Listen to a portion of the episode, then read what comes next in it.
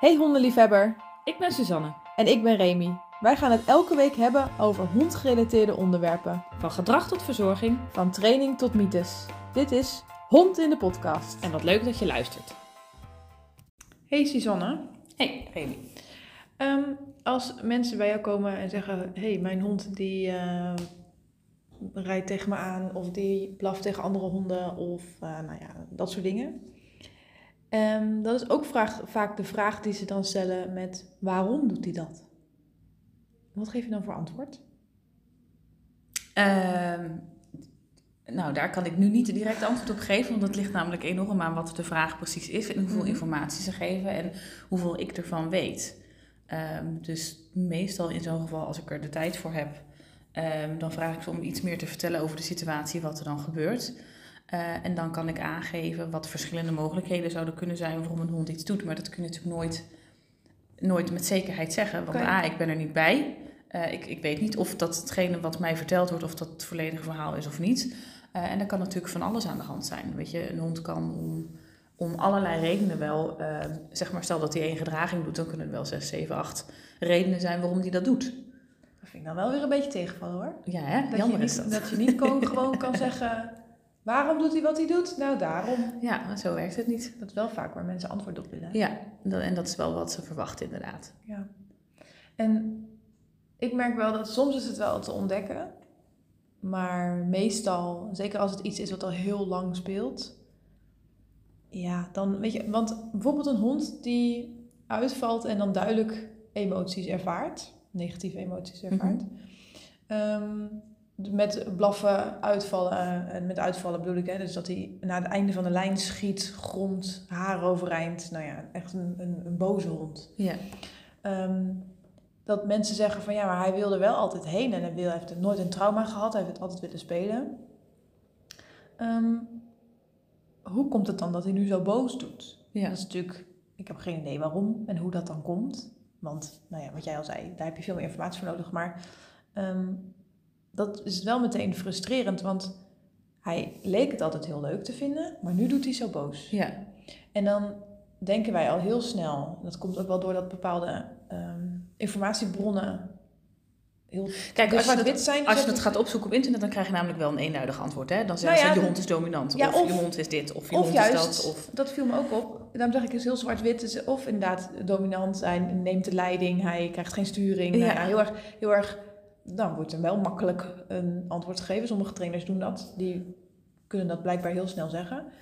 Ehm, maar de andere kant van het verhaal is soms ook dat er heel duidelijk dan wordt gezegd, oh hij is bang of hij is angstig. Mhm. Dus dat er ehm, best wel.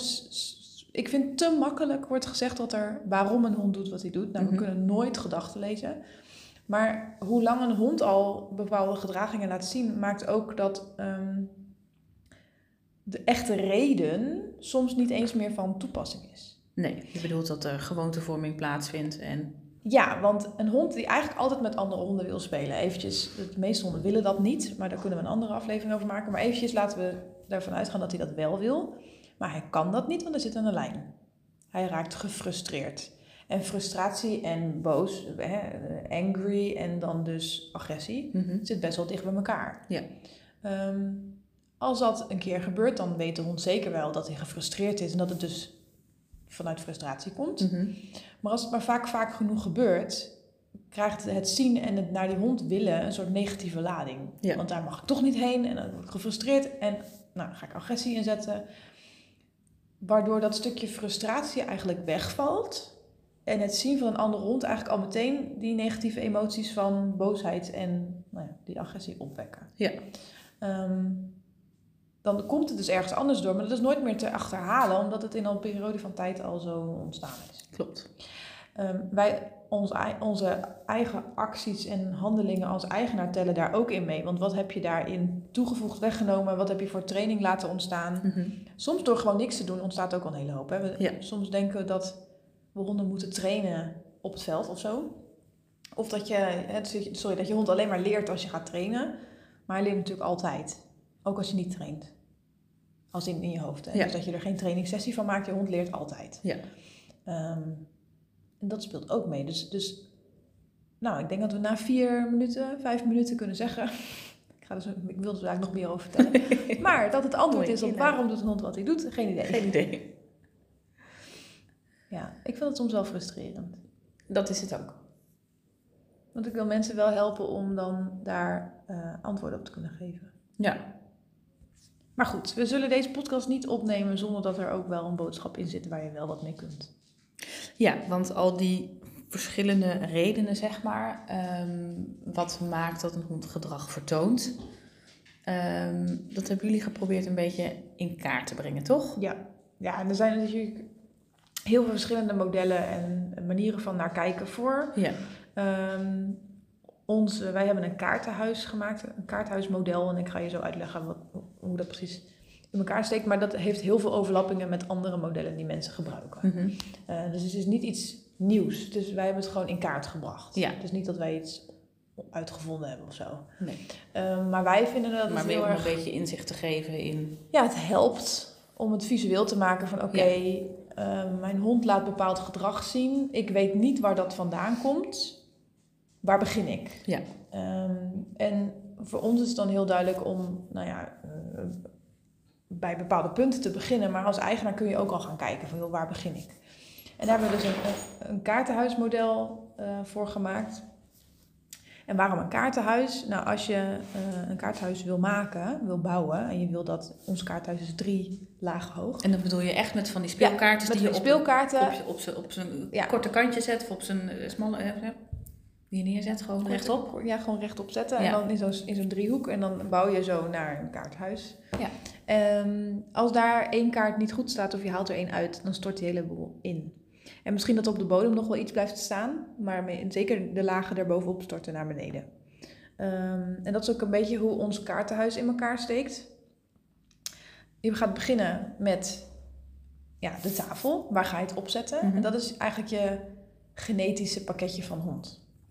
Ehm, dus wat heeft hij meegekregen vanuit zijn ouders van zijn, eh, en van zijn voorouderen? Wat voor ras is het? Wat, wat voor genetische predis- predispositie zit daarin? Eh, en dan zal ik een voorbeeld geven. Ik heb huskies, die hebben echt een genetische nou ja, aanleg voor jacht. En dan niet voor jagen zoals labradoodles of lab- labradors of ehm, eh, nou ja, andere jachthonden dat doen. Mhm. Maar echt met ik zie iets, dat ga ik vangen, dat ga ik opeten en daarna kom ik wel een keer terug. Ja. Het is heel lastig om, ehm, als ik dan mijn honden wil leren loslopen, om ze dan ook daadwerkelijk veilig te hebben loslopen. Ehm, ik kan ze zeker prima aan hier aanleren. Ik kan ze hartstikke goed aanleren dat ze moeten komen, ze mij in de gaten moeten houden, alles goed. Maar op het moment dat ze dan iets van wild zien of ruiken, dan stort het hele kaarthuis in. Dus mijn tafel, daar waar ik mijn kaarthuis op ga bouwen, is al niet recht. Daar begin je eigenlijk Mhm. al. Op het moment dat dat gebeurt, en ik dus eigenlijk geen stabiel kaarthuis kan bouwen, zetten we management in. Dus dat is even op het moment dat het niet lukt om een kaarthuis te bouwen. Management in. Dus dat is een geval van loslopen van mijn huskies, is een lange lijn eraan. Want dan kan ik altijd ingrijpen. Ja. Op het moment dat je wel een eh, stabiele tafel hebt, dus eh, je hebt gewoon een hond die, nou ja, veilig kan loslopen in de buurt van geur van wild. Mhm. Al denk ik dat er een hoop honden zijn dat als er een ree voor hun neus oversteekt, dat ze daar achteraan gaan. Maar dat kan. Hè? Dus die, die ehm, zijn relatief betrouwbaar in de buurt van wild en vee en dat soort dingen. Dan heb je een rechte tafel. Dan begin je met de eerste laag van kaarten. En dat zijn er, eh, ik moet even tellen, eh 1, 2, 3, 4, 5, 6. Ja, 6. Ehm, waarbij, één, ehm, waarbij eigenlijk deze laag gaat over echt de basisbehoeften van de hond. Dus echt een basisniveau die honden nodig hebben om nou ja, gelukkig te zijn. En gelukkig is natuurlijk heel relatief, maar laten we dat even zeggen. En welke zijn dat dan? Dan heb je het over ehm, lichaamsbeweging. En dan niet te weinig, maar ook niet te veel. Mhm. En wat het dan wel is, ja, dat kan ik niet zeggen. Dat moet je echt voor jezelf Ja. bekijken. Eh, mentale stimulatie, ook daar geldt, eigenlijk geldt het voor alles. Niet te veel, niet te weinig. Ehm, mentale, mentale stimulatie is dat je hem ehm, laat snuffelen, laat nadenken, zijn hersenen laat gebruiken. Je, er zijn zat honden die kilometers naast de fiets lopen, maar verder niet mentaal worden uitgedaagd. Nou, die hebben een conditie van heb ik jou daar, ehm, maar die zijn niet voldaan. Nee. Dan heb je het over medisch in orde en dat is een hele belangrijke. Want als een hond pijn heeft, hij heeft of gewoon ongemak of niet lekker in zijn vel, dan bouwt dat eigenlijk het spreekwoordelijke stressemmertje al vol. Dus dan Mhm. begin je 's ochtends al met een half gevulde emmer, emmer Ja. bij wijze van spreken. Eh, dus dan lijkt het voor ons alsof er niks gebeurt, alsof er geen aanleiding is of er nou ja, niks aan de hand is. Terwijl je eigenlijk nog maar heel dicht bij het randje Ja, verwijderd zit. weet je, Ja. als je zelf eh, pijn hebt, last van je rug of weet ik veel wat, en, iemand zegt: Kom, we gaan even lekker in een houten achtbaan. Ik weet niet, dat lijkt me ook niet echt gezellig. Nee. Eh, ook al is het leuk bedoeld. Ehm, dan heb je een stukje voorspelbaarheid. En eh, daar zit ook structuur en ritme zit daar ook bij. En honden houden heel erg van nou ja, rust, reinheid, regelmaat. Mhm. Maar soms is het ook weer dat je te veel structuur en eh, ritme hebt. Ehm, want we willen ook graag dat honden flexibel kunnen zijn. En dat verschilt heel erg per hond. De ene hond gaat heel goed op flexibel en de andere heeft echt eh, een structuur nodig. En met structuur bedoel ik niet dat je om 8 uur 's ochtends doen we dit en dan om 10 uur 's ochtends doen we dat en dan om 12 uur 's middags dan niet qua tijd, maar meer in de vorm van volgordes. Ja. Dus als je, op het moment dat jij beneden komt en of dat, dat om 6 uur 's ochtends is of om 8 uur 's ochtends, gaat de hond naar buiten. Ja. Eh, dus dat je een soort volgordes hebt in huis. Sommige honden gaan daar heel goed op, andere honden hebben juist ehm, wat meer flexibiliteit nodig Mhm. omdat je gaat merken dat ze gaan anticiperen en daar dan weer spanning van gaan ontwikkelen. Ehm, dat verschilt heel erg per individu. Dan heb je eh, rust en slaap. Ehm, er wordt gezegd, honden, pups hebben 18 tot 20 uur slaap nodig. Dat betekent dat, dat ze nog maar 4 uur wakker zijn. Dat is Nou, dat is veel hoor. veel te veel eigenlijk. Eh onderzoek ondersteunen dat ook niet. Die gaan eerder richting de 15 uur. Eh, maar het is nog steeds meer dan wij mensen. Ja. En honden slapen niet. ehm, honden slapen niet zoals wij, dus die slapen niet aan één stuk 8 uur. Ehm, maar die maken hazenslaapjes. Dus eh, 40 minuten daar, 40 minuten daar. Dus de- gedurende de dag, gedurende een, etmaal, ehm, slapen die wisselend. En ja, Ja. s s'nachts gebeurt er natuurlijk niks. Dus dan slapen ze meer. Ehm, maar het is niet zo dat ze, zoals wij, dan eh, de hele nacht slapen en dan Wakker worden De overdag wakker zijn, wakker zijn. Nee. Ik heb geen idee of jullie het horen, maar Abby van de hond van Merel, die loopt hier rond. Ze schudt zich af en toe uit en nu is ze de waterbak aan het uitlikken. Dus als je wat hoort, dan is dat Abby. Ehm, dat is rust en slapen. Dan heb je de eh, nummer 6 op de, op de basislaag, zeg maar. En dat is beperkte isolatie, oftewel eh, niet langer alleen dan nodig. Ehm, en ook dat verschilt weer per hond. Hè. Er zijn echt honden die hebben verlatingsangst. En dan kom je eigenlijk pas achter als je hond gaat filmen. Natuurlijk de, de grote overdreven, of de overdreven, de grote ehm, casussen waarbij honden hele huizen slopen, buren wakker blaffen, noem het allemaal maar. Maar veel vaker ervaren honden ja, verlatingsangst, on, on- onprettig, vinden het onprettig om alleen te zijn in stilte. Mhm. Ehm, Dus waarbij je het idee hebt dat er eigenlijk niks aan de hand is, omdat de hond zich prima gedraagt. ogenschijnlijk Ja. keurig gedraagt. Er is niks stuk. Nee. Eh, er zijn geen klachten van de buren. Nee. Ehm, Maar dan kan het nog steeds zijn dat de hond het heel vervelend vindt. Dus als ik altijd vraag, hey, hoe gaat het alleen zijn, alleen zijn eh, dan kun je dat eigenlijk alleen maar met zekerheid zeggen als je dat controleert. Dus als Ja. je dat met beeldmateriaal bekijkt. Ehm, we gaan nog wel een keer, denk ik, een aflevering over verlatingsangst maken. Want helaas is het niet zo dat gewoon eh, elke 30 seconden langer weggaan en dat zo, zo trainen eh, geen oplossing. Vaak, meestal. Ehm, wat rust en slaap en ook beperkte isolatie een beetje met elkaar gemeen hebben, is zoals ik al zei, honden die slapen kort en wisselen dan vaak van plek. Is dat een bench bijvoorbeeld, opsluiting, Mhm. niet altijd helpt. Soms wel, hè? je kunt kaders geven, ehm, maar soms is ook juist te veel opgesloten, te veel niet bij je familie zijn, ehm, kan ook weer stress geven. Ja. Dus dit hele lijstje, lichaamsbeweging, mentale stimulatie, eh, medisch in orde, die is belangrijk. Voorspelbaarheid, rust en slaap eh, en dan beperkte isolatie, dat zijn eigenlijk echt de basisbehoeften van Ja. de hond. Ehm, op het moment dat daar iets scheef zit, kun je trainen wat je wil, maar dat, daar, daar gaat niks veranderen. Nee. Ehm, hier heb je ook weinig actieve rol in. Dat klopt natuurlijk niet helemaal, want jij gaat wel faciliteren dat je hond lichaamsbeweging heeft en jij gaat wel faciliteren dat hij mentaal stimuleert. Maar het zijn vrij passieve dingen.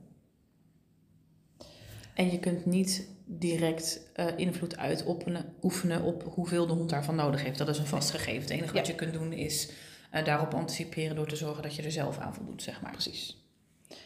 Dan heb je de laag daarbovenop.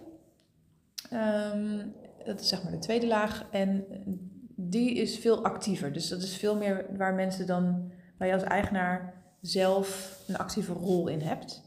Ehm, de eerste kaarten zijn er vier in dit geval. Zijn er vier, eh, eerste is trainingsvaardigheden. Mhm. eh, en die gaan over de eigenaar. Dus niet over de hond, maar over jou. Hoe kun je je hond lezen? Kun je je hond bijsturen? Eh, is je timing oké? Kun je ehm, inschatten welke beloningen jouw hond nodig heeft? Eigenlijk alles waar, ja, wat jij als eigenaar nodig hebt om je hond te kunnen sturen. En dat is bijvoorbeeld iets waar wij met onze cursussen heel, ons heel erg op richten. Ja. Ehm, om de eigenaar eigenlijk de beste hondentrainer voor zijn eigen hond te maken. Ja. Ehm, dus dat is de eerste. Dan heb je de tweede is opvoeding en training. Hier staat, in ons kaartenhuis staat alleen opvoeding, maar in principe is dat opvoeding en training.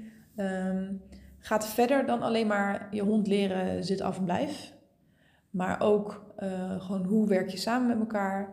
Ehm, en ook leuke dingen doen. Dus valt ook een beetje samen met de laatste kaart in deze, maar het gaat verder dan alleen maar opvoeden. Mhm. Eh, dan heb je socialisatie en die gaat over nou ja, die eerste fase van je hond, dus bij de fokker, maar ook daarna. Ehm, heb je je hond overladen met dingen? Ehm, heeft hij daar misschien iets geleerd wat je eigenlijk niet wilde, of juist niet geleerd?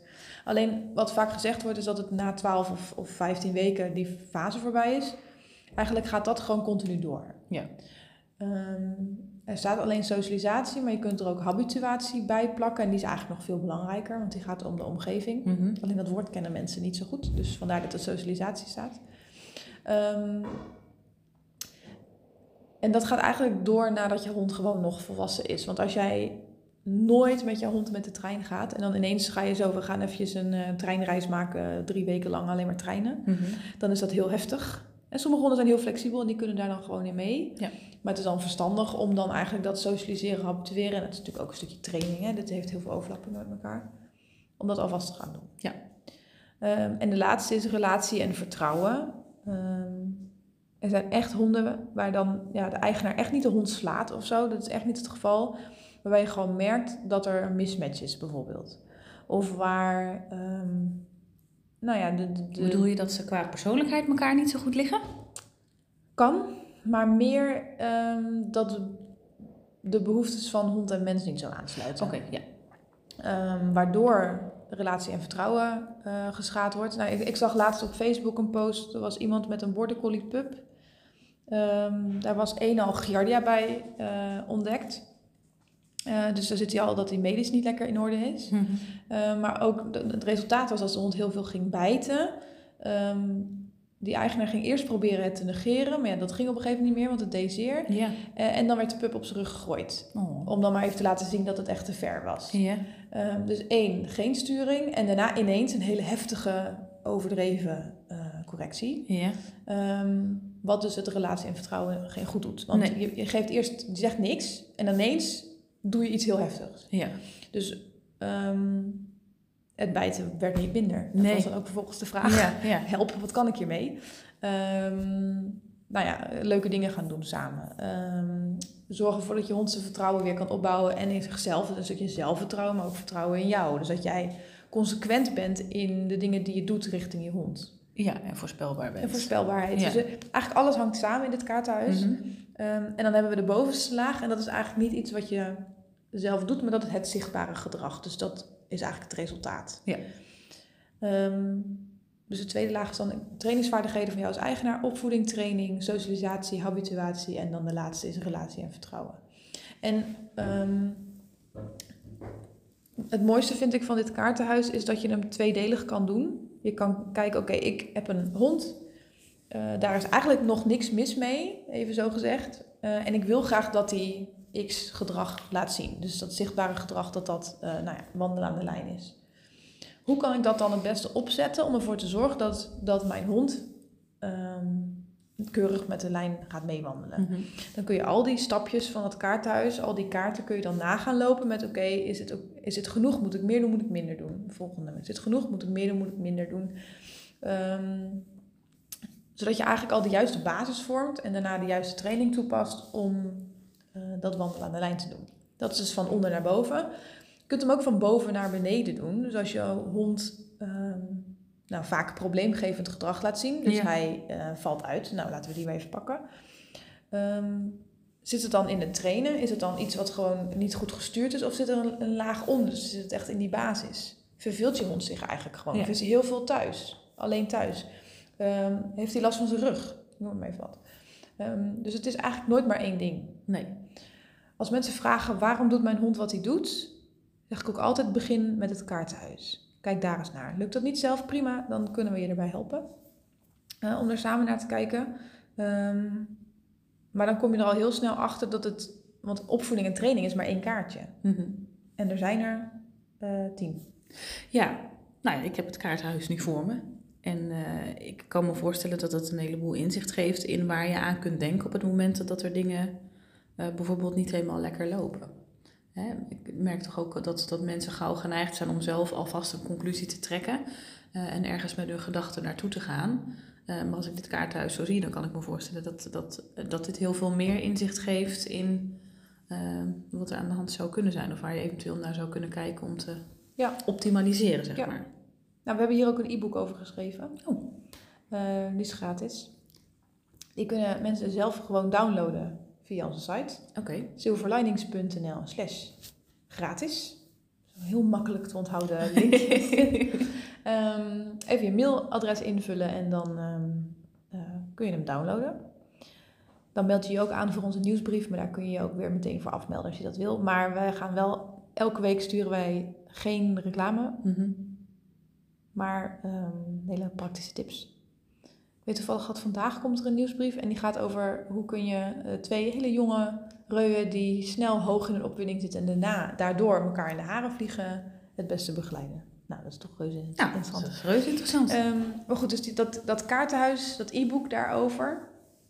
eh, hij heet eh, in 10 stappen ehm, waarom alleen training niet werkt. Mhm.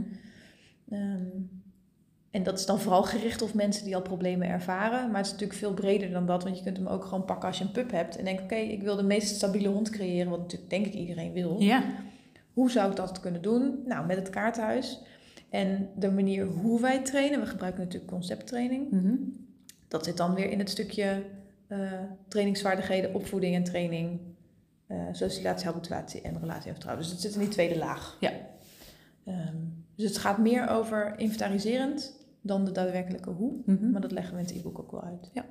Wat ook wel leuk is, is dat in het e-book staat ook iets over spanningsdrempels en stressemmers. En hoe je kan herkennen wanneer je hond over de pis is. zeg Oh, dat, dat klinkt als een interessant boek. Ja, hij werd, hij werd iets, het is een gratis e-book, maar hij werd iets langer dan dat we eigenlijk eh, bedacht hadden. Maar ja, we willen gewoon heel veel vertellen. Nou ja, het, het- klinkt zeer informatief. Ja, is het ook. Oké. Nou, dat is waarom Don doet wat hij doet. Omdat het kaarthuis instort. Kan natuurlijk ook zijn als je een kaarthuis gaat zitten bouwen, dat je dan niet in de kroeg moet gaan zitten doen. Zou kunnen. Dat helpt wel, denk ik. Je een echt kaarthuis... En we hebben over een echt kaarthuis. Ja. Ja. Is het jou wel eens gelukt, een echt kaarthuis Ik heb het nooit geprobeerd. Nog geprobeerd? Nee. Oh nee, ik wel. Maar Ik, ik, ik, twee, la- nooit twee, gedaan je twee lagen of zo, dat lukt meestal wel. Maar dan kom ik bij de derde en dan... eh, hmm. Nou, Ja, ik zou zeggen, helemaal goed. ik ga allemaal eh, dat e-book eh, Ja. opzoeken. Op silverlinings.nl slash gratis. Ehm, Als je er vragen over hebt, dan zijn die natuurlijk altijd welkom. ja, daarover gesproken. Heb jij zelf een casus en denk je van joh, ik zou dat graag ehm, besproken willen hebben? Kunnen we natuurlijk samen met jou naar het kaarthuis kijken. Kunnen we kijken of er echt iets anders aan de hand is. Eh, dan kun je mailen naar podcast.silverlinings.nl. Ik kreeg laatst trouwens een mailtje van iemand. Oh? Die was echt helemaal, eh, ik weet niet meer hoe ze heet, sorry. Ehm, maar die was, vond helemaal complimenten en zo. En die wilde, eh, jij bent natuurlijk fokker. Ja. Jij bent fokker. Klopt. En die was geïnteresseerd in, in jou, of jij netjes hebt of niet. Klopt. Dus dan is het toch wel weer leuk. het is ontzettend leuk. Ik doe net zo van niks weten, maar ik weet het natuurlijk.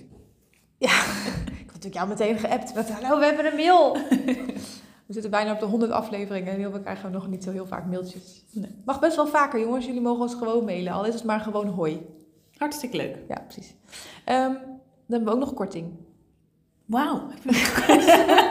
Nee, korting. dat verbazen, dat is niet meer geloofwaardig. Wel. Ehm 10% korting in onze winkel. silverlinings.nl slash winkel. En op de webshop? Eh, dat, ja, die komt bijna. We zijn aan het bouwen. Heel goed. Ehm, podcast 10. Dus dan podcast uitgeschreven en dan 1-0. En als je hier aan de kassa staat, dan kun je gewoon het afrekenen en Dan gewoon zeg je, zeggen. zeg je podcast 10 en dan krijg je 10% korting.